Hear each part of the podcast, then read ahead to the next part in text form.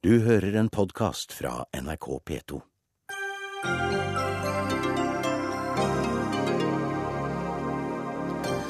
Renta skal opp, opp, opp, men ikke i dag. Norges Bank forklarer hvorfor.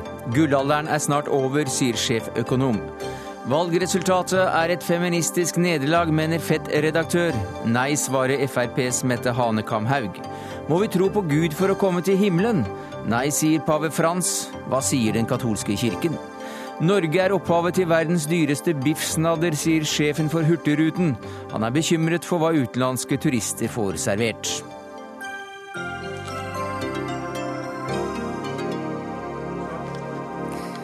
Ja, Det er noen av sakene i Dagsnytt 18 denne torsdagen, der vi også får med oss Sverre Lodgaard om den uh, koseligere stemningen mellom Iran og USA om dagen, og om boka om den arabiske våren sett fra Midtøsten. Men vi begynner med ting som har med innaskjærspolitikk og økonomi å gjøre, med vår egen lommebok. For ifølge de som kjenner finansmiljøet, så så var det en viss nervøsitet eh, blant landets økonomer rett før klokka ti i dag. Eh, Norges Bank beholdt styringsrenta uendret på 1,5% viser sentralbanksjef Jan F. Kvikstad.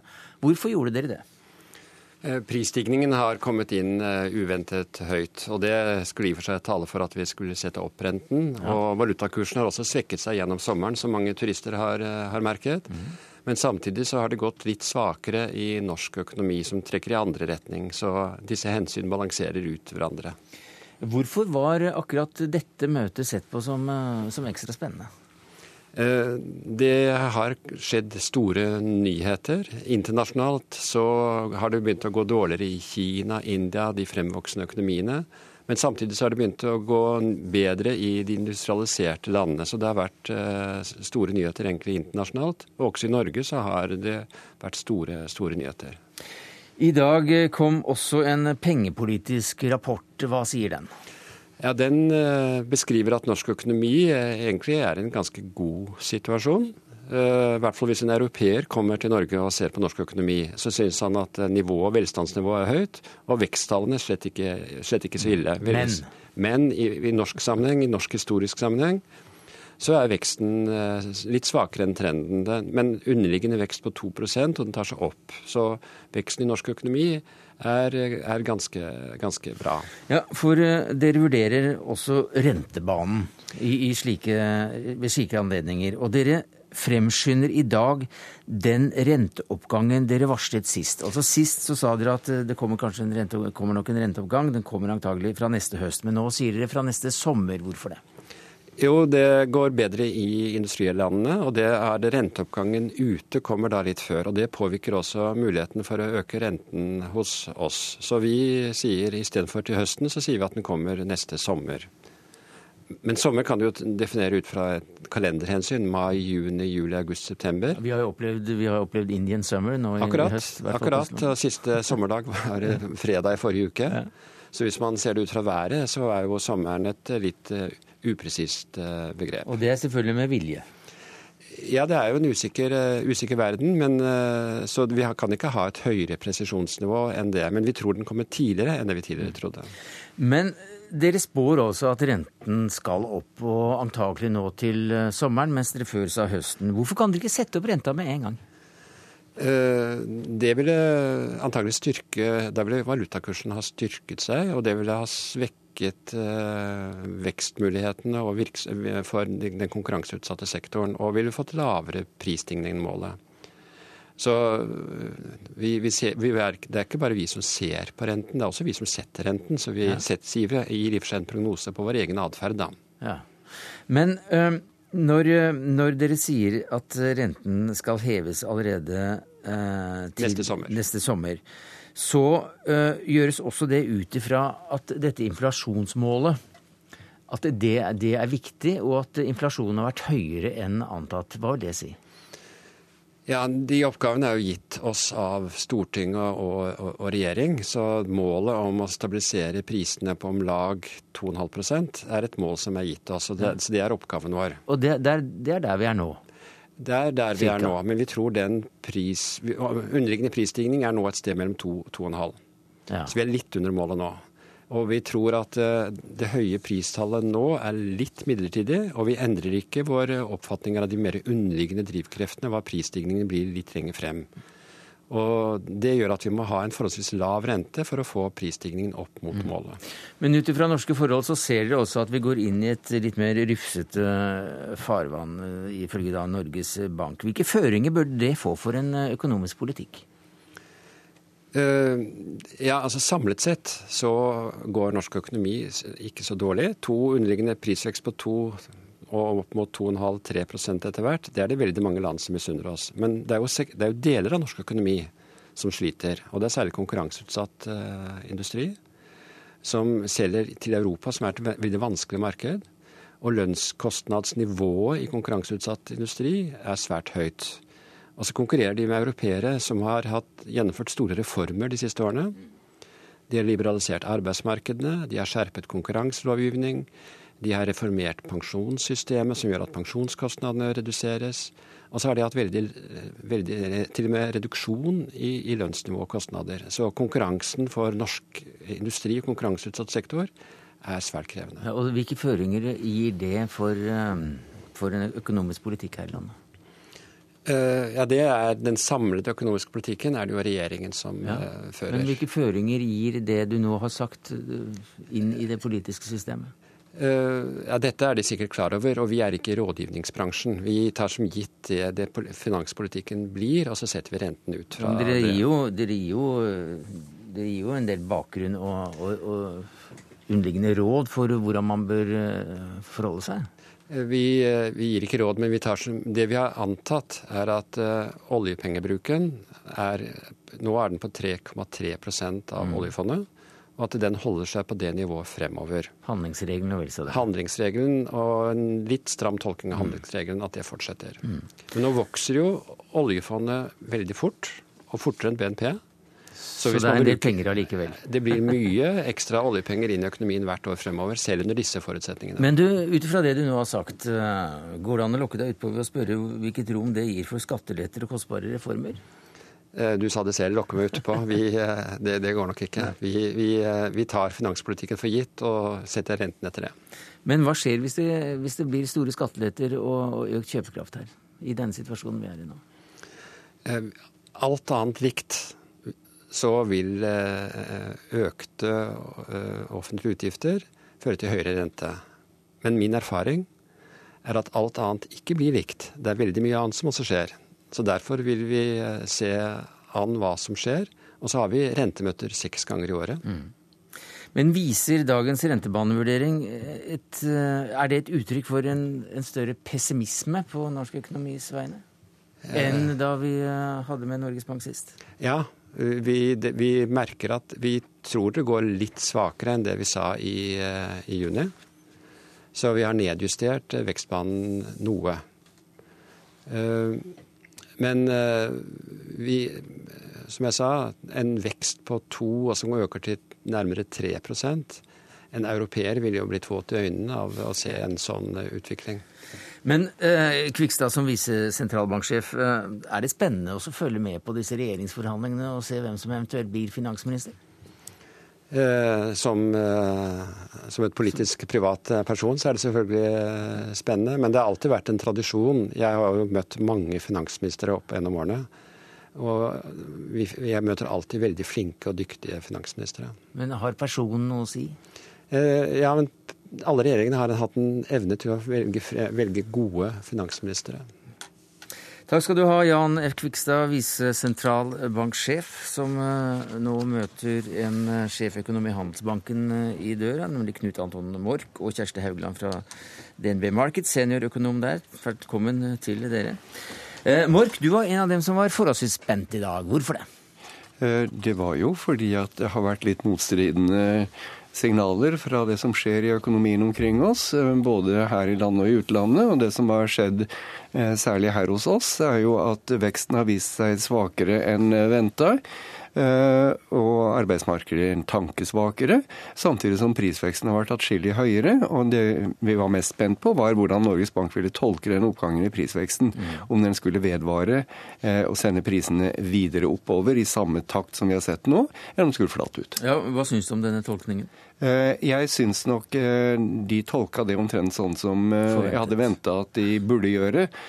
Nemlig at dette er i hovedsak et utslag av at krona svekka seg i første halvår. Eh, og at derfor importvarene ble dyrere. Men det var da mer i form av at eh, prisene skifter litt oppover, eh, og at norske priser følger litt med etter, for det er jo konkurransesituasjon. Og så blir det liggende høyere, men ikke at prisveksten skal tilta noe mer etter det. For det går jo litt svakere i norsk økonomi, og da har vi mindre inflasjonspress. Kjersti Haugland, seniorøkonom i DNB Markets. Da du var her i sommer, så spådde du et rentekutt i dag. Hva er det som har skjedd i mellomtiden? I mellomtida så har vi fått eh, særlig ett eh, viktig sjokk, som vi kaller det på, i makroøkonomiens verden. Eh, og det er særlig denne prisveksten, som da gjorde et hopp eh, opp til målet til Norges Bank, som det allerede har blitt snakket om her nå flere ganger, opp til 2,5% Hvorfor gjorde den det? Altså, Det er det ingen som vet helt sikkert. Heller ikke Norges Bank. De er veldig klare i rapporten på at eh, de sitter ikke med fasit på dette her. Men det de vurderer, og det vi òg deler av deres vurdering, er at eh, det er en brei prisoppgang på mange typer mm. varer. Eh, det skyldes dels en, en annen målemetode av husleier i konsumprisindeksen, og så òg disse tingene som Mork peker på her. Så vi deler deres oppfatning av at eh, en del av eh, dette løftet i prisene, det er mm. bare midlertidig. Mens vi skal ha med oss litt av, tror vi, fremover i et økt underliggende prispress. Men betyr det da også at eh, Norges Bank har vært litt vel optimistisk når det gjelder akkurat inflasjonen i Norge?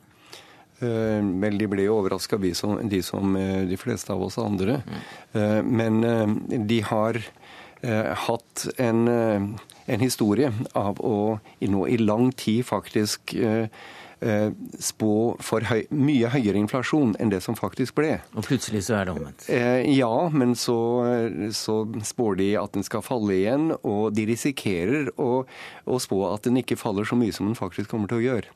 Eh, risikoen går selvfølgelig begge, begge, veier, men det er absolutt mye som taler for at det kan gå den veien. Og jeg har lyst til å peke på noe som er egentlig veldig bemerkelsesverdig, som Norges Bank nå har gjort i, i flere rapporter. Og det er at selv om de ser hele tre år framover, eh, så har ikke de tro på at inflasjonen skal komme tilbake til målet. Og det betyr to ting. Eh, det ene er at de faktisk så noe tvil om eh, deres evne og vilje til å sørge for langsiktig prisstabilitet, definert som inflasjonsmålet. Mm. Og det kan skape problemer. Eh, og det andre, som kanskje er mer lettfattelig, er at de faktisk nå satser på eh, både litt lavere prisstigning og litt høyere arbeidsledighet enn det du skulle ha normalt i økonomien i tre år framover. Og det betyr jo at arbeidsplasser går tapt. Mm. Men når du snakker om eh, problemer, kan, kan et av problemene være knyttet til troverdighet og forutsigbarhet? Eh, ja, eh, det er jo det jeg tenker på når jeg snakker om tillit til langsiktig prisstabilitet. Det er troverdighet til at Norges Bank faktisk mm. lever opp til sin målsetting. Men la meg føye til hva jeg tror er grunnen til at de gjør dette, og det er at de er engstelige for at altfor lave renter skal få folk til å ta for mye risiko, at boligprisen skal stige for mye eh, igjen, og at eh, vi kan risikere at det boblebrister. Mm. Eh, men eh, det er noe uavklart her. Og spørsmålet er skal de virkelig på lang sikt ofre arbeidsplasser for dette? Ja, jeg er helt enig med disse vurderingene. Eh, nå tror jeg det er all grunn til å være på vakt overfor det høye gjeldsnivået som faktisk husholdningene har opparbeida seg. Men vi har sett i løpet av eh, året nå at her, eh, dette dilemmaet til Norges Bank, nemlig det at boligprisene har økt kraftig over veldig lang tid, det er nå i ferd med å dempe seg. Altså Boligprisene eh, flater ut. Vi har fått banker som har stramma til i utlånsvilkårene til, til husholdningene. Vi ser at eh, gjeldsveksten tydelig kommer til å gå ned fremover blant husholdningene. Så da slipper dette dilemmaet å bli så kraftig for Norges Bank fremover, tror jeg. Men hva da med lommeboka vår? altså vi som har en eh, god del eh, lån. Når er det vi virkelig kan begynne å bli bekymret, tror du? Særlig bekymra er det ikke grunn til å bli, ifølge verken våre eller Norges Bank sine prognoser. Nei. Norsk økonomi kommer til å gå inn i en mer moderat vekstfase enn det vi har vært inne i de siste mm. to årene. Vi kommer ikke til å få like sterke lønnsoppgjør, men vi kommer til å få litt høyere arbeidsledighet. Men fortsatt så skal vi ha god økning i kjøpekraften. Fortsatt så skal vi ikke ha noe særlig høy arbeidsledighet i forhold til andre land. Og fortsatt så kommer mm. rentene til å være veldig lave sammenlignet med historien. Men Norge er et lite land i verden, som Korvald sa, og USA er langt større. Og der skjer det jo eh, det at, eh, at staten pumper faktisk ganske mye midler inn i, inn i, systemet. Og så var det ventet at eh, det skulle ta slutt, men hvordan har det gått? Vel, La meg korrigere litt formuleringa du brukte der. Gjør det. Det er aldeles ikke slik at de pumper ut fra statsbudsjettet. Tvert imot, statsbudsjettet er blitt kraftig kutta. De trykker opp penger? Det de gjør, er at sentralbanken som heter Federal Reserve, eh, de kjøper opp eh, obligasjoner, statsobligasjoner og eh, boligobligasjoner og betaler med nytrykte penger. Så blir de sittende med obligasjonene, mens andre får likvide penger. Mm. Det har de gjort, for, for det er en viss måte å stimulere på når du ikke har stort andre måter å gjøre det på, og de kan ikke kutte renta lenger ned. den korte overnattrenta, for den ligger allerede på null. Så da gjør de dette, og de konkluderte da i går med at eh, det er ennå for tidlig å stramme inn på dette, og jeg er egentlig helt enig med dem. Eh, arbeidsmarkedet i USA er fremdeles veldig svakt. Eh, prisstigninga er godt under det sentralbanken ønsker den skal være. Og i tillegg har du trusselen fra Kongressen om at det kan bli alvorlige problemer med, å, med både å få et budsjett på plass, og når det gjelder det såkalte gjeldstaket. Vi kan risikere i løpet av et par uker nå, tre uker kanskje, at både amerikanske offentlige kontorer stenger, og at USA begynner å misligholde sin gjeld. Og det har påvirkning på også for eh, norsk økonomi? Definitivt. Vi har jo sett f.eks. det at uh, pengepolitikken til Federal Reserve har uh, hatt en påvirkning bl.a. på den norske krona. Den har nok vært en viktig bidragsyter til at krona har styrka seg gjennomgående nå i flere år, før han da snudde igjen i februar og har svekka seg. Og det tror vi at den massive pengetrykkingen eh, fra store sentralbanker internasjonalt, det har skapt et press bl.a. på den norske krona. Så når Fed fortsetter med dette her, så bidrar det, tror vi, til ei høyere, ei sterkere krone enn det vi ellers hadde hatt. Takk skal du ha, Kjersti Haugland, seniorøkonom i DNB Markets. Takk skal du ha, Knut eh, Anton Mork, sjeføkonom i Handelsbanken. Hør Dagsnytt 18 når du vil, på nettradio eller som podkast nrk.no – dagsnytt 18.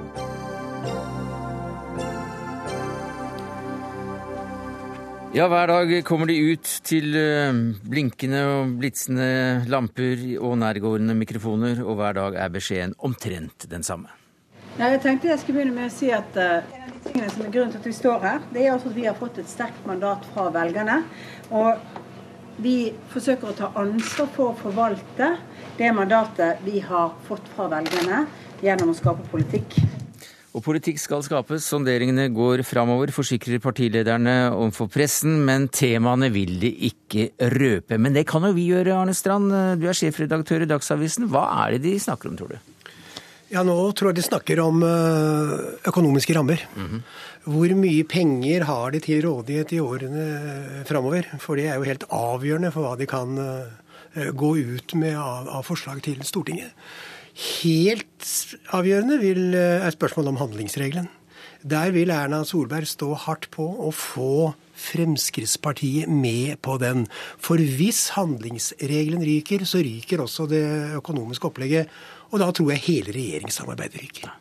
For Dagens Næringsliv eh, skriver i dag at Høyres Jan Tore Sanner spurte Finansdepartementet om å få kikke litt i kortene, i hvert fall for å se på de over, overliggende tallene for å, å kunne, ja, for å kunne hva da? Hvorfor var det så viktig akkurat eh, nå, tror du, Trine Eilertsen? Du er politisk kommentator i NRK. Nei, det er jo fordi at de trenger å vite hva handlingsrom de kan ta utgangspunkt i. Hva de kan gå inn og prioritere innenfor. Ikke fordi at de er nødt til å forholde seg til det som den sittende regjeringen gjør, men fordi at de er nødt til å ha en idé om i hva grad de skal gå under eller over eh, den rammen som eh, Stoltenberg-regjeringen har lagt. Og Det vil jo bli en diskusjon uansett hvordan de gjør det, men å ha noenlunde følelse med størrelse. Og det er klart at det er dyre løfter, valgløfter, som ligger på bordet fra alle partier, ikke minst fra Fremskrittspartiet og Høyre innenfor samferdsel innenfor helse, eh, som de er nødt til å greie å prioritere. Eh, og Hvis du tar skatteletter på toppen av det, så er det klart at det, er krevende å få det til å gå rundt når du skal løse alle de andre sakene òg. I dag så kom det jo noe på denne pressekonferansen. For eh, Solberg eh, ramset opp fem punkter som sammen skulle gi en retning. Og, og, og hva syns du om det, Strand? Ja, Det var de jo enige om før valget, og det var de vel enige om før de satte seg ned og forhandlet. Det mest interessante i dag synes jeg er at, at KrF og Venstre vel nå har avklart at de skal stå sammen. Det blir ikke trepartiregjering. Det er ikke slik at Venstre kan gå inn i den regjeringen uten Kristelig Folkeparti. De to er nå limt sammen i et skjebnefellesskap. Jeg sa de det, det så viktig. klart? Ja, nei, de sa det ikke så klart. Men er, du, du, må forstå det ut fra de, eh, de, signaler som har kommet ut fra forhandlingene. Det er veldig viktig for dem. For dermed kan de også presse, ikke minst eh, Fremskrittspartiet, i de pågående forhandlingene. Fordi dette er et oppgjør langs en sentrum-høyre-dimensjon i politikken. Det er altså sentrumspartiene som langt på vei her står imot Fremskrittspartiet, med Høyre i en mellomposisjon og en slags riksmeklingsmann. Vi snakket eh, sist du var her, Trine Eilertsen, om dette med kriminologi. Altså se på bitte, bitte små forandringer eller indikatorer på, på store trekk, som man gjorde under sovjettiden fra Stalin og vel til Gorbatsjovs første dager. Og nå viser jeg at kriminologene hadde jo ofte rett, da. Så, så hva sier du da til at eh, f.eks. Eh, at Hareide da ikke lenger bærer et rødt slips, men hun har en åpen skjorte i halsen? Ja, det er all grunn til å tolke det tomt. Men det, tror, hvis de hadde vært litt mer slitne og noen enda flere uker ute det, så tror jeg kanskje jeg skulle kostet på meg og brukt mer energi på det. Men jeg tror ikke vi skal gjøre det nå. genseren til Siv Jensen med, med, stjerner på? Ja, hun virker jo komfortabel og avslappet. Og, nei da, jeg tror, jeg tror ikke vi er der ennå at vi kan lese det ut av det. Altså. På, på Soria Moria-forhandlingene, som jeg fulgte nært av i 2005, så kunne du se på ansiktsuttrykkene hvordan dette her gikk. Det var altså perioder under forhandlingene da Kristen Halvorsen og Åsne Hava var meget irriterte, og de var jo da irriterte på Arbeiderpartiet og på Jens Stoltenberg. Og jeg, ja, jo, men det er, altså, De kaller det ikke forhandlinger, men det er jo realiteter i dette. altså De forhandler om bompenger, selvfølgelig. De snakker om Lofoten. De snakker om de store og tunge prosjektene fordi de må finne ut av om det er noen muligheter for å gå inn i reelle forhandlinger. Og reelle forhandlinger betyr bare at du skal sitte deg ned og skrive en regjeringserklæring. Disse store, ting, tunge tingene må de komme gjennom, komme rundt, for å se om det er mulighet for å gå videre tidlig i neste uke. Tror vi at de har begynt å snakke om de store, tunge tingene allerede? Ja, De sier jo sjøl at de har vært innom de, men at de ikke er ferdigsnakket og at det står mer igjen enn det de har gått gjennom og alle disse runde formuleringene. Men det, så, vidt, så, vidt, vi kan forstå, så er det, er det sånn at Høyre prøver jo å overbevise de minste partiene om at de har mer å hente på å sitte på innsiden enn å sitte på utsiden. Og at det er en ganske sånn eh, tone i det nå. Mm. hvor de prøver å gjøre det. Det er klart ekstremt viktig for Høyre at de to små blir med, eh, og er nødt til å skissere at de kan, kan vinne mye på det. Eh, og da kan de jo, de må jo være ganske konkret for at de skal få en sånn følelse. Nå, ingen av de som har vært ute i partiene sine enda og luftet eh, det de har fått høre og det, de mm. eh, kompromissene de er blitt eh, forespeilet eller vil bli forespeilet. Så de er ikke der ennå i det hele tatt. Så det er jo langt igjen før de kan si at de har ryggdekning for å gå inn eller gå ut. Ja, for det er, de har referansegrupper, og jeg vet jo at referansegruppa til Kristelig Folkeparti har vært inne to ganger og vurdert mm. de foreløpige resultatene. Uh, Kristelig Folkeparti er jo det partiet som har de største problemene. Men vet du noe mer om hva som ble sagt? Nei, det vet jeg ikke. Jeg bare vet at de har vært inne to ganger, og at de sitter parat til å komme inn ganske raskt igjen. Kristelig Folkeparti skal jo dessuten ha landsstyremøte før de kan si et endelig ja eller nei. Og det kommer nok veldig raskt, altså, tror jeg, nå uh, i neste uke. Ja, for det har, vært, det har jo vært forholdsvis få lekkasjer. Eh, Iallfall så er det lite som er tilflytt pressen, tror jeg. Men, men hvor mange er det som egentlig vet vet nå her. Altså, det, er, det er en forholdsvis begrenset gruppe akkurat som sitter rundt forhandlingsbord. Men hvor mange, hvor mange er det som nå vet? Eh, altså, så vidt jeg har forstått, så er det jo veldig tett eh, rundt de som sitter i Nydal. De er ute litt og konfererer på noen saker, noen spørsmål og får innspill. Hvis du snakker med de som de vanligvis jobber tett på dem, så sier også de det at eh, akkurat i denne fasen så er det veldig lukket. Og de er der at det er ut i neste uke at de skal begynne å forhøre seg med, med sine og med de andre organene sine. Men at nå så er det jo Det er jo en grunn til at ikke så mye tilflyter pressen. Det ene er at det er ganske tett. Det andre er at de ikke er blitt sure nok ennå til at de har interesse av at ting flytter ut. Og det, det, har vi jo sett eksempler på før. at Når du blir sur nok, hvis f.eks. et av de små partiene insisterer på at statsministeren og det store ikke får det, så, så lekker det fort ut. Ja. Eh, men da er vi i forhandlingsfase. Det, ja, det er veldig mange som vet nå hva de holder på med og hva de snakker om. Altså, Partiledelsene vet jo dette. Mm. Deres rådgivere vet jo dette. Og du har altså folk hele tiden som kommer med innspill. Så, så kretsen av folk som er involvert, blir stadig, mm. stadig større. Når tror du vi får eh, en avklaring her? Jeg tror, ja. jeg tror, det kommer en avklaring tirsdag eller onsdag i okay. neste uke. Så tidlig må det komme. For nå begynner tiden å renne litt ut. De har ikke all verdens tid når målet er å ha regjeringen klart til mandag 14. oktober, da statsbudsjettet skal legges fram. Da går nemlig eh, regjeringen Stoltenberg av. Det vil si Stoltenberg går til kongen og sier at nå går hans regjering av. Da må Erna Solberg få det formelle oppdraget om å danne ny regjering. Og da må mesteparten være, være på plass ikke minst hvem som skal sitte i denne regjeringen, må være klart da. da slik at hun kan begynne å plukke statsråder. Men da bør det gå så det suser, mens du skriver i dag at det ikke går så det suser? Nei, ikke nå. De iler langsomt fram, men det kommer tidsnok fram. Men det er jo sånn med alle forhandlinger. Enten det gjelder store inntektsoppgjør eller andre forhandlinger. Mm. I starten øh, så føler man hverandre på tennene, uh, tar de store problemene, kaster dem opp og ser hvor de, hvor de havner. Mm. Og så kommer det en, et tidspunkt der de må sette mm. fart. Man har en deadline, og den deadlinen nærmer seg nå. Trine Eilertsen, er vi Eh, fjerner dere nærmere en firepartiregjering, tror du? Jeg syns det er vanskelig å svare på med det vi vet rett og slett. Så jeg tror eh, jeg har eh, vinglet litt sjøl, men fire eller to. Jeg tror vi får vite det. Kanskje ikke før slutten av neste uke. Jeg tror kanskje de skal tilbake til sine folk og, og konferere med de litt på sånn mer formelt nivå i to siste dagene kanskje, og neste uke. Det er i hvert fall det inntrykket vi får. For de trenger litt tid på seg til å gjøre det, rett og slett fordi at det har vært såpass tett som det er nå, at de er nødt til å ha en ordentlig prosess. F.eks. KrF må ha en ordentlig prosess med sine før de kan gi et svar. Og Erna Solberg kommer ikke til å presse det frem og si at du har fire timer på meg, I've made you an offer you can't refuse. Mm. For det er såpass viktig at akkurat denne fasen blir vellykket hvis de skal greie å gå fire videre. At den, de kommer til å få litt, eh, litt tid på seg. Det er viktig. Takk skal du ha, Trine Eilertsen, politisk kommentator i NRK. Til deg, Arne Strand, sjefredaktør i Dagsavisen.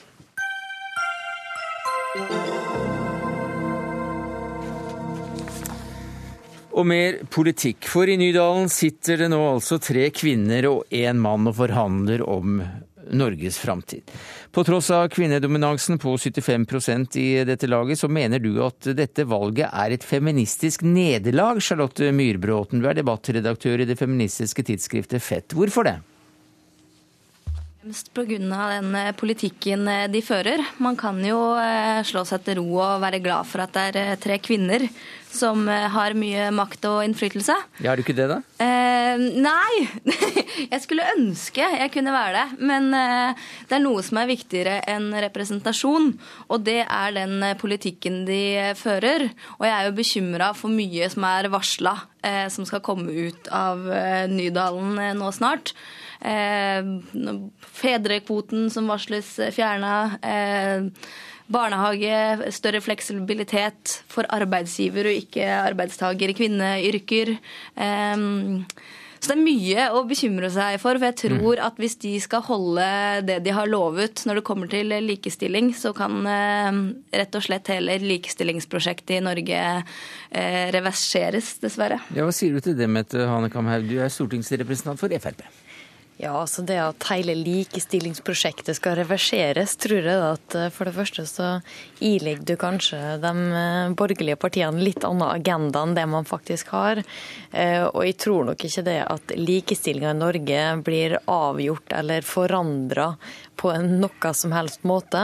Verken er de politiske løsningene vi ønsker, eller for fremtida. Og når det kommer til de politiske løsningene til Fremskrittspartiet bl.a., så er det det aller viktigste for oss, det er valgfrihet. Valgfrihet for kvinner, valgfrihet for menn, valgfrihet for innbyggerne i dette landet.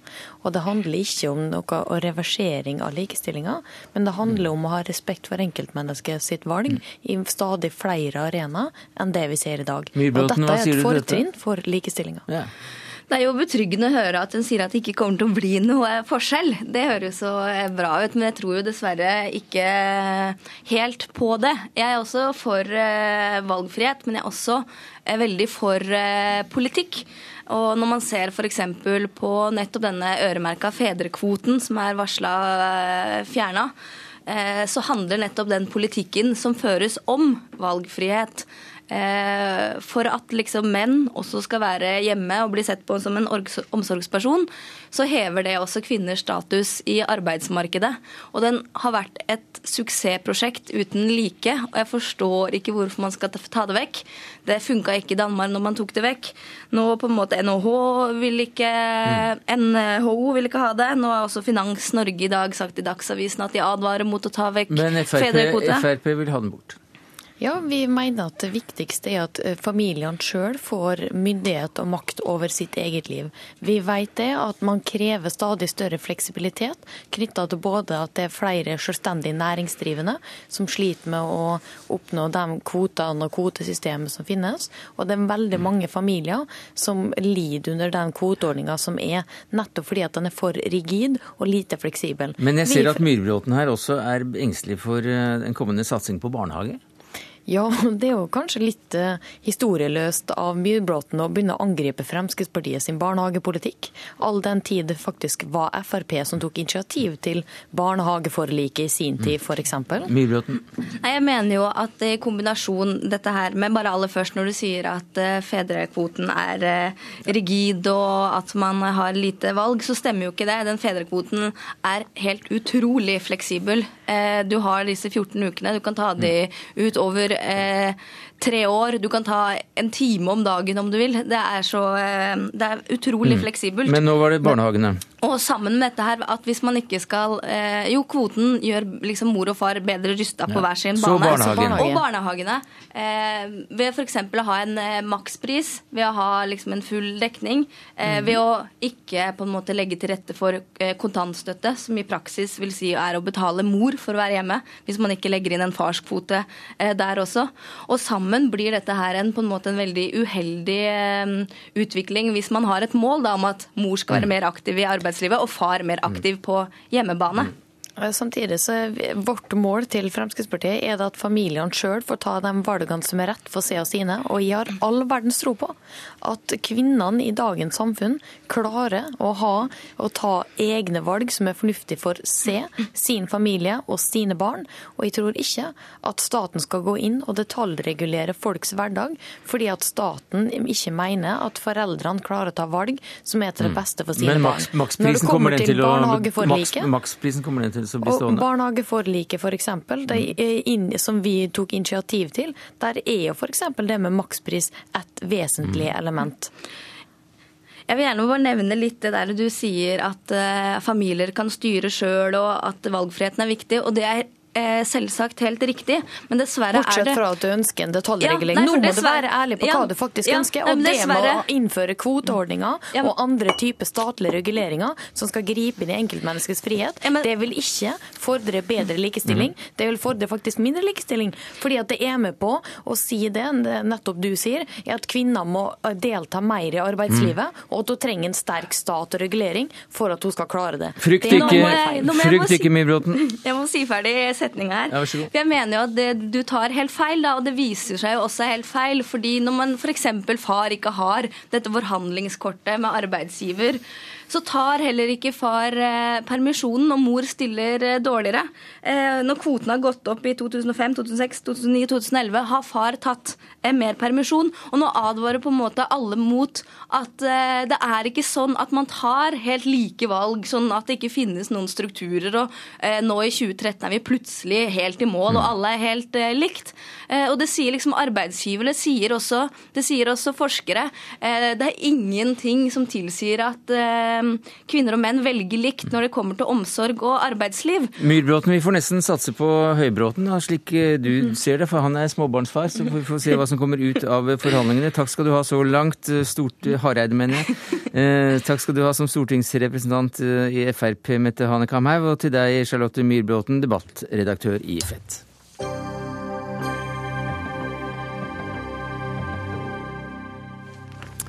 Ja, I dag kom meldingen om at Iran muntrer opp Nato, Sverre Ludgaard.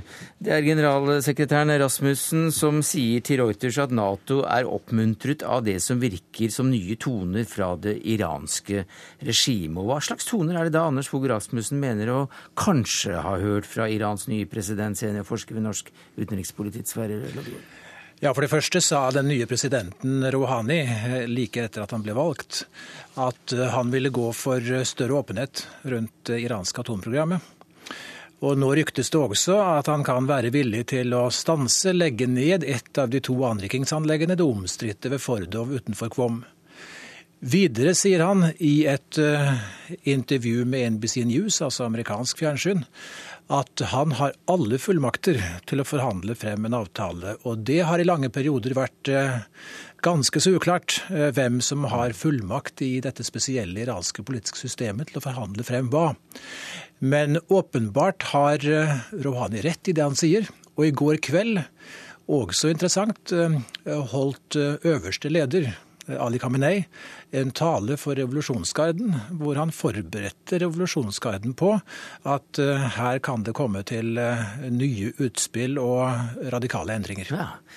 Men da er det også eh, mer forståelig at både Obama og, og, Irans nye president er fornøyd med sin motpart, for så vidt som de nå skriver brev til hverandre? Ja, de gjør det. Altså I Midtøsten så er det jo ofte slik at det ene kommer i veien for det andre. Eh, men denne gangen så møter en iransk president som gjerne vil ha en løsning på atomkonflikten, eh, få vekk sanksjonene og redde økonomien. En amerikansk president som eh, sårt trenger til en utenrikspolitisk seier. Mm. Så det virker som stjernene står godt plassert på himmelen i denne omgangen. 13 politiske fanger er løslatt. Ja, og det jo, kan jo ses i samme sammenhengen. Obama håper kanskje også på at eh, Iran vil være samarbeidsvillig i, i Syria. Mm.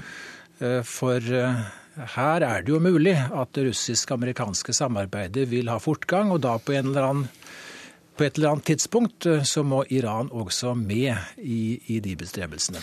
Men så da til hvorfor vi også ba deg komme hit i dag, Loddegård, nemlig som redaktør av en svært annerledes bok om Midtøsten.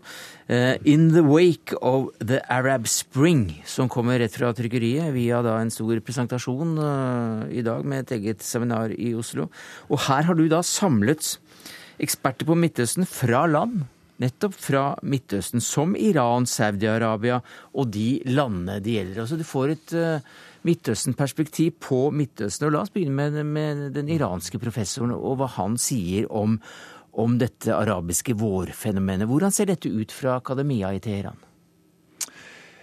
Det er eh, et uh, håp rundt omkring uh, som Kayan Baisegai, som han heter, noterer, om å få sanert konfliktstoff i ulike retninger. Og nå er, det, er det jo høyaktuelt at Hassan Rouhani sier at en av hans topp prioriteter, det er nettopp å forbedre forholdet til eh, Saudi-Arabia. Til Saudi-Arabia, den gamle fienden? Ja, som er uh, erkefienden uh, i, i, Midtøsten. Hvis han greier det, så kan han også greie å løse opp i mye annet. Og bl.a. i forholdet til Egypt. Egypt må jo, hvis landene med tid og stunder skal spille en lederrolle igjen i Midtøsten, kunne forholde seg til de andre store maktene, inklusive Iran. Men det som holder styret i Egypt tilbake nå, i denne sammenhengen, eh, det er jo at de er så avhengige av eh, pengestøtte fra, Saudi-Arabia. Men hvis forholdet mellom Iran og Saudi-Arabia bedres, så bedres også utsiktene for en normalisering mellom eh, Egypt og Iran. Så det er ikke bare forholdet til Vesten som her får visse nye muligheter, men det er også nye muligheter for å vri eh, konflikt over til, til samarbeid. Mm.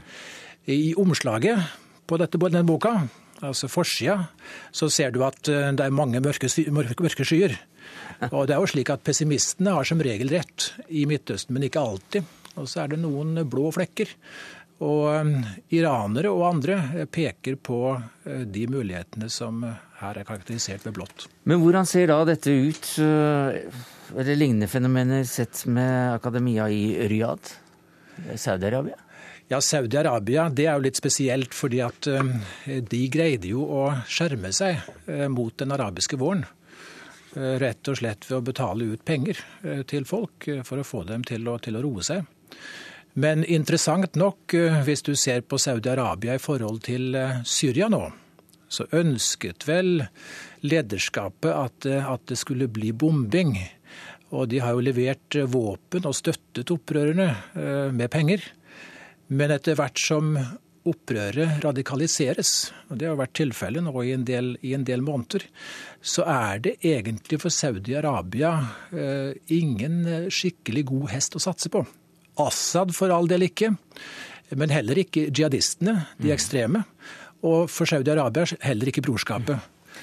Men dette er noe av tankegodset som også kommer fram gjennom eh, fortellingene eller analysene som gjøres i de ulike hovedstedene i, i, Midtøsten gjennom denne boka. For dette er jo bidragsytere, professorer, eh, høyt ansatte i akademia rundt omkring.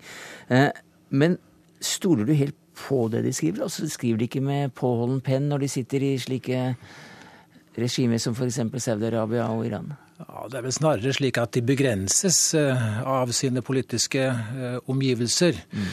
Det som står, kan jo, være, kan jo være ekte nok. Men det er riktig dette at ved å ta utgangspunkt i Midtøsten selv, Eh, så har vi altså lagt stor vekt på hvilke muligheter som eksisterer for at landene i Midtøsten, statene i Midtøsten, kan forme sin egen region, i hvert fall i større grad, etter aldri så lang tid med stormaktsdominans eh, utenfra. Mm. Og det har da i den siste perioden vært eh, nesten utelukkende USA? Det har vært USA, men USA trapper ned. Ja. Eh, USA skal til, til, Asia. Og Vi hørte i morges du nevne opp både at Russland kommer sterkere inn, Kina, også India og, og EU. Men eh, hvordan forholder da hele regionen seg til dette nye geopolitiske fenomenet? Ja, Når vi har vært interessert i dette spørsmålet om hvordan regionen kan forme seg selv mm. i større grad enn før, så er det jo nettopp fordi at eh, landene også i Midtøsten nå har mange store makter å forholde seg til. Slik er jo verdensbildet blitt. Og da åpnes det opp et større handlingsrom eh, for fremme av egne interesser, et større handlingsrom for å forme egen region. Dette er på en måte parallelt på regionalt nivå med det vi hørte på nasjonalt nivå under den arabiske våren, mm. hvor folk sa vi vil gjenvinne vårt eget land etter lange perioder med autoritært styre. Eh, nå er spørsmålet kan man i større grad gjenvinne eh, sin egen region, i og med at omgivelsene er mer fordelaktige for, eh, for slike prosjekter. Kort til slutt, Loddgaard. Du skriver, at den, du skriver noe slikt som om den arabiske våren vel ikke akkurat blomstrer fremdeles, men at noen frø er sådd som, som, ikke er så lett å, å se bort fra, kommer ja, til å spire? Noen frø. De har, de har et, man har fått en, en, smak på demokratisk praksis, på uh, sivile rettigheter. Og uh, det kan ikke feies bort. Uh, frøene ligger der. Og så vet vi både fra Midtøsten og fra europeisk historie at det ofte er bølget frem og tilbake. I Tyrkia i mange omganger militærkupp av og på før Eh, demokratiske styreformer har modnet i, i dette århundret, og i britisk og fransk historie likedan. Så vi må regne med at det vil bølge fram og tilbake i Midtøsten også heretter. Sverre Loddgaard, eh, en eh, nøktern optimist, seniorforsker ved NUPI, redaktør av boka 'In the Wake of the Arab'. Takk skal du ha.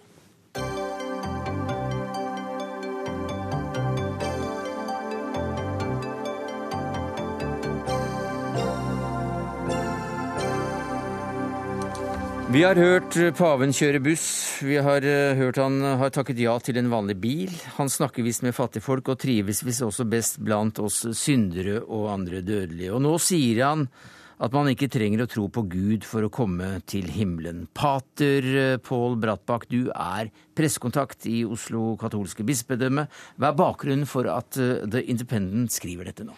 Altså Bakgrunnen er at uh, redaktøren i en italiensk avis stilte paven tre spørsmål på lederplass. Uh, som bl.a. gikk på dette med tilgivelse av ikke-troende. Uh, hvorpå han blir nokså overrasket da han får et håndskrevet firesiders brev fra paven som svarer på de tre tre spørsmålene. Eh, hvor han da kort og godt fremlegger Kirkens lære på området. Eh, at eh, det er mulig også for, for ikke-troende å bli frelst, som vi sier. Men altså, hvis, man, hvis ikke det er troen på Gud som, som, avgjør om du kommer til himmelen, hva er det som avgjør det da? Det er Gud som avgjør om vi kommer til himmelen eller ikke. Eh, vårt svar på hans invitasjon til å tro på han eh, er viktig, eh, men det er jo noe som ikke bare gjelder neste liv, men også dette livet. Eh, troen på Gud kaster et eh, flott lys over dette livet mm. også. Så ateister kan komme til eh, himmelen håp, ja. mot mm. sin vilje, så å si? Ikke mot sin vilje. Altså, Fins himmelen eller fins ikke himmelen, det er jo spørsmålet. og og har vi rett, så er alternativet så kjipt eh, for de som ikke tror det. Så vi, vi, prøver å forstå hvordan de også kan inkluderes i dette. Men selvfølgelig ingen mot sin vilje. Halvor eh, Moxnes, du er professor eh, i teologi ved Universitetet i Oslo. og Det har vel ikke alltid vært like lett som i dag da, å komme til himmelen ut fra krav som ulike kirkesamfunn har stilt til oss mennesker? Nei, altså, Noen av oss husker jo 1953 og Hallesby-Skjeldrup-debatten. For det var jo da Hallesby som holdt sin berømte radiotale. NRK var liksom medformidler av det. Ja, ikke sant? At hvis du nå hører dette og ikke omvender deg, og du dør i natt, så går du rett i helvete. Og Det hørte jo da Schjelderup på, og protesterte voldsomt. Og Det ble jo en voldsom debatt. Og skal vi si teologisk på den siden, eh, tiden, så var det vel Hallesby som hadde mest oppslutning. Men den oppslutningen er jo forsvunnet. Eh, slik at eh, det er en nylig doktoravhandling, Bjarte Le Salvesen i Agder, som har studert begravelsesprekener. Eh, og har funnet ut at det er omtrent ingen prester som snakker om dette med Nei. muligheten for fortapelse. I Norge, men i andre land så er det fremdeles vel slik at f.eks. små barn som er dødssyke, hastedøpes, for hvis ikke du er døpt man døper, ja. Eh, det gjør man i Norge og på norske sykehus, også sykepleiere. Eh, vi tenker at Gud virker gjennom de nådemidlene han har gitt oss, men han er ikke så han er bundet til dem, men ikke av dem. Mm -hmm. eh, men sjansen er større hvis man er rødt? Ikke sjansen er større. Vi vet at han virker eh, der, og vi velger å bruke de gavene Gud har gitt oss for å, å komme til ham. Eh, og så håper vi at han også virker på andre, mm. andre måter. Men, men, der er det jo mm. faktisk mm. interessant eh, at en så konservativ teolog som Wisløff, som var etterfølger av Hallesby, mm. Eh, skrev et langt innlegg om hvordan han pekte på hvordan Luther og andre reformatorer understreket at udøpte barn ble tatt imot av Gud. Slik at eh, det er faktisk ikke noen nymotens oppfinnelse. Dette er også noe som har vært en gammel kirkelig tradisjon. Men apropos på Luther, så var vel en av grunnene til at han virkelig eh, gjorde opprør, det var vel nettopp denne avlatshandelen som altså tilsa at du måtte ut med så og så mye midler eh, for å være sikre på å komme til himmelen. Så det er vel ikke fra evig tid at det er slik at alle kunne komme til himmelen, og at det er Gud som bestemmer alene? Det er det. altså Vi kan dømme folk vi kan erklære at mennesker er i himmelen, men vi kan ikke gjøre det motsatte. Altså Helgenene eh, sier vi jo det er mennesker vi vet er i himmelen. Eh, men vi har ikke lovt, Kirken har aldri fått fullmakt til å gjøre det motsatte. Men vi har fått visse nådemidler som hjelper oss mot himmelen. Avlat er en av de. Det er fortsatt en, en praksis i, i, Kirken. Det er forbudt å selge det. Det er forbudt å selge det. Ja. Eh, eller ta penger knyttet til, til praksisen. Eh, men, men nådemidlene Gud har gitt oss, har han gitt oss for å, å trekke oss nærmere seg. Men mm. det fins jo Så dette er egentlig en intern diskusjon. Hvordan kan vi forstå at andre mennesker som ikke tror, mennesker som er flotte mennesker, eh, også kan, kan være med på dette? Så dette er altså ikke noe nytt. At ikke... Eh, Frans, pave Frans sier dette. Det har han grunnlag for. I... Ja da, det står i katekismen vår, og det annet Vatikankonsilet har formulert det. Men det er klart, eh, man har hatt andre utsagn opp gjennom utsagn. Altså, det fins mange mennesker i kirken som har sagt dumme ting opp igjennom bl.a. Om, om helvete og fortapelse. Og det har jo vært en, en skremselspropaganda for å få eh, folk til kirkelig praksis, men det er en dårlig måte å få folk til å tro på. Men uttalelsene for Frans får altså svært store oppslag og, og, og, spres nå rundt omkring. Er det noen grunn til det, da, hvis dette er gammelt nytt? Det er ganske morsomt hvordan pave Frans faktisk bare ved å løfte frem et par katolske læresetninger får medieoppmerksomhet. Eh, for at de har jo stått i vår katekisme. Både han har sagt det om tronen, mulighet for eh, at ikke-troende kan bli frelst, også det han har sagt om homofile. Eh, at vi ikke har lov til å fordømme homofile. Det er også bare et sitat fra, ja, Det er et første skritt på vei mot et eller annet som ja. mm. noen andre håper at kan bli en, bli en realitet. Men denne nye paven går altså i dialog med ikke-troende, og det spaltelangs i den det mest anerkjente, eller i hvert fall en tung avis i Italia, Republika. Uh, hva slags fenomen er det? Moxnes? Nei, altså, det, det, tror jeg jo også er en forlengelse av en tradisjon i, i, i den katolske kirke fra Vatikankonsilet med dialog med andre religioner. Altså, Man hadde jo der uttalelser om forholdet til, til andre religioner. Og, og, man hadde jo det, det, var vel Skal vi se, var var det eh, Johannes Paul 2., eller var det en tidligere pave som tok initiativ til møtene i Assisi, som jo var med religiøse ledere fra ulike religioner? Slik at det er en sånn, eh, oppfatter jeg den katolske kirke som, en kombinasjon av en åpenhet og samtidig en restriksjon ved at man understreker at vi er de som egentlig har frelsen. Slik at det slår ut litt sånn skeivt eh, i forskjellige sammenhenger. Men, men, at det også er en sånn grunnleggende åpenhet, det er det. En, en ny type pave? Jeg vil jo oppfatte ham som en, en ny type pave. Men det er ikke sikkert at meningene hans er nye. Men måten han fremtrer på, uh, altså dette med, som du startet med, med enkelheten i livsstil og alt mulig sånt noe, uh, og legge vekk alle arvene og tradisjonene sånn, uh, det skaper et inntrykk av at her er det et skal vi si, moderne, ydmykt menneske som leder Kirken. Så jeg tror at PR-messig er det veldig viktig. Og jeg tror at det er hans intensjon, at det er ikke bare PR, men, men det er noe noe av det som skaper forskjeller, tror jeg. Han svarte altså på et innlegg i en eh, italiensk eh, avis. Er det noe vi kommer til å se mer av? Det er jeg helt sikker på. Han svarer på brev som folk sender han, selvfølgelig ikke alle, men han, han ønsker å lese så mye av den post han, han, får. Han har også svart på et brev fra en, en, kvinne som eh, ble gravid uten at hun ønsket å valgte å beholde barnet, og møtte en del motstand for det valget i, i sitt miljø, men han sa at hvis du får problemer med en prest som kan døpe barnet, så, så gjør jeg det gjerne. Eh, så han, eh, han strekker ut armer i, i, alle retninger, og det er det god tradisjon for. Det er Pav Bendik som startet dette med dialog med ikke-troende. Eh, faktisk i et møte som har vært også i Stockholm. Eh, dialog med, med ikke-troende. Alle mennesker av god vilje har vi god grunnlag for å ha dialog med, og dialog er alltid bedre enn ingen dialog. Dialog og god vilje også i studio i Dagsnytt 18, takket være Pål Brattbakk, pressekontakt i Oslo katolske bispedømme, og Halvor Moxnes, professor i teologi ved Universitetet i Oslo. Takk skal dere ha.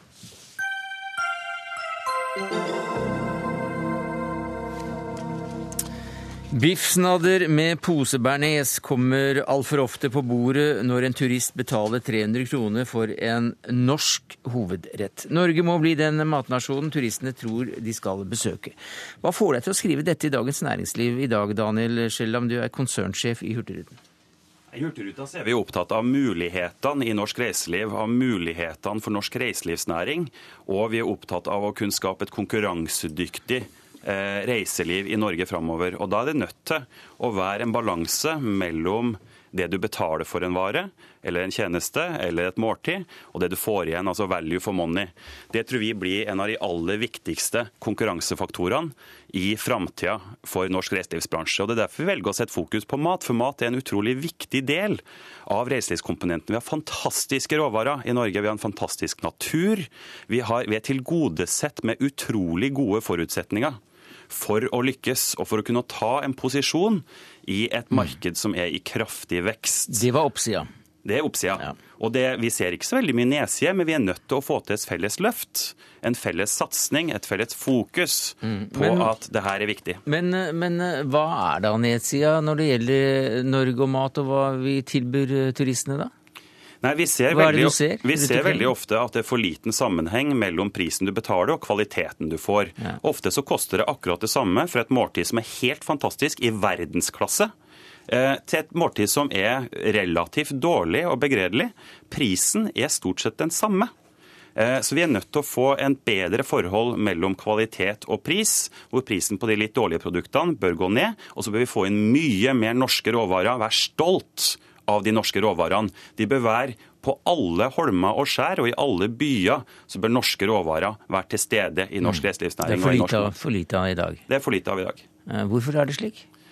Vi tror det er noe kulturelt, noe, noe med stolthet. Noe som eh, et, et løft vi må sammen ta og få det opp. Få det opp i dagen, få opp stoltheten. Og det er jo en av grunnene til at vi velger å skrive den kronikken nå, er at vinden blåser riktig retning. Det nordiske kjøkkenet er kommet, det har tatt sin plass i verden. Vi har eksepsjonelt dyktige fagfolk innenfor den næringa her. Maemo med to stjerner har jo satt en standard som man bare kan glede seg over. Så det, vinden blåser i riktig retning. Og nå gjelder det å få det her ut til hele Norge, så vi kan være stolt av de råvarene vi har. Og fordi Norge kan ikke bli billigere. Vi kan bare øke kvaliteten. Og det er da vi blir vinnere i framtidas reiselivsnæring. Vibeke Hammer Madsen, som administrerende direktør for hovedorganisasjonen Virke, så vi deg, skal vi gi deg litt av skylda for at det står sånn til? Nei, hvorfor det? Nei, fordi at det er din- det er dine, det er- ja. i det som eh, Ja, men altså, det som ble sagt nå, det er jo vi veldig enig i. Det er for dyrt og for dårlig. Vi opplever jo at uh, vi i, uh, i Virke er med på en skikkelig dugnad. Fordi vi representerer jo veldig mange av disse virksomhetene i, uh, i turistnæringen. eh, Jobber tett med landbruket for å få frem lokal mat. Men er du enig i beskrivelsene? Vi har kjedene. Både ja og nei. Eh, jeg eh, opplever at eh, vi er på god vei. Vi jobber jo ganske bra. altså Se mathallen, se Bondens marked, se eh, altså matmerk hvor vi jobber. Så her er Mm. Det er det Oslo- Oslo-eksempler. ja, men, men, ja, og ut i distriktene så, så skjer det jo mye med god mat. Og så er det sånn at innimellom så er det da det vi kaller fastfood eller eh, kjapp mat. Men det er jo også noe som eh, vi kanskje over tid har etterspurt fordi det både er kjapt, enkelt og billig. Og ganske godt, vil man ja, si. og det skal vi jo på en måte ikke angripe verken hva skal jeg si, forbrukeren eller produsenten for det, fordi de leverer jo noe som er etterspurt. Og så fortjener, hva si, så fortjener vel alle sammen noe bedre, Ja. for jeg er enig, vi har mye god Hva mat å servere. kan vi gjøre for at eh, det blir mer fersk fisk å få i Lofoten? Ja, akkurat fersk fisk i Lofoten, det, det er det jo nå. Jeg tror at utfordringen er at vi skal få det jevnt over flere steder, og ikke bare, eh, ikke bare laks, eh, men også en del andre spennende fisketyper og en andre spennende eh, kjøtting sammen med lokal kultur. Og det ser vi jo flere steder. Men, Men det vi må gjøre, Ja. det er jo å være villig til å få en mye sterkere satsing på en eh, distriktsbasert turistsatsing. Vår reiselivssatsing i dag går mye på å tenke på de store hotellene i byene. De klarer seg selv, de. Og der er det jo veldig mye jobbting. Eh, men vi må tenke mer der ute. Hva tror du må gjøres? Jeg tror vi må få til et nasjonalt løft. Jeg tror, nok, eh, jeg tror nok at det er nok heller unntaket at vi har de virkelig gode historiene i Norge i dag, selv om jeg er helt enig i at vi har bondens marked, vi har en del ting som er veldig, veldig bra. Men dessverre så opplever nok vi at det er litt unntaket heller enn regelen i dag. Det fins masse godt arbeid, det fins masse positivt i norsk matnæring i dag. Vi må få det ut til å bli kjennetegna så at historien Norge, når turistene har vært her, så har de sett fantastisk natur, og så har de spist mat som underbygger den fantastiske opplevelsen som de har hatt. Og da har vi en liten vei å gå. Og vi i Hurtigruta vi tar konsekvensen av det, for vi har ikke vært verdens beste vi heller. Det skal være den første til å underskrive. Vi har masse norsk mat om bord i Hurtigruta. 85% norske matvarer, eh, råvarer, Mm. faktisk. Vi forteller Men, ikke historien. men det er, Vi- det, er, det er litt av grunnene til sikkert at mange drar eh, nordover det er, og sørover fra, med båten din. Det er f.eks. at MS Lofoten, nordgående nå fra Bodø, seiler just i dette øyeblikk gjennom et av verdens største matfat, nemlig farvannet rundt Lofoten. Gjestene hiver i seg Hurtigrutas biffsnadder til kroner 169 med bearnés kokt på pulver. Yes. Men, Det var det vi rakk i Dagsnytt 18, og takk for at eh, dere kom til studio. Daniel Skjeldam, konsernsjef i Hurtigruten. Vibeke Hammer Madsen, administrerende direktør i hovedorganisasjonen Virke. Ansvarlig for denne sendinga var Dag Dørum. Det tekniske ansvaret hadde Beate Haugetrø. Jeg heter Sverre Tom Radøy. Du har hørt en podkast fra NRK P2.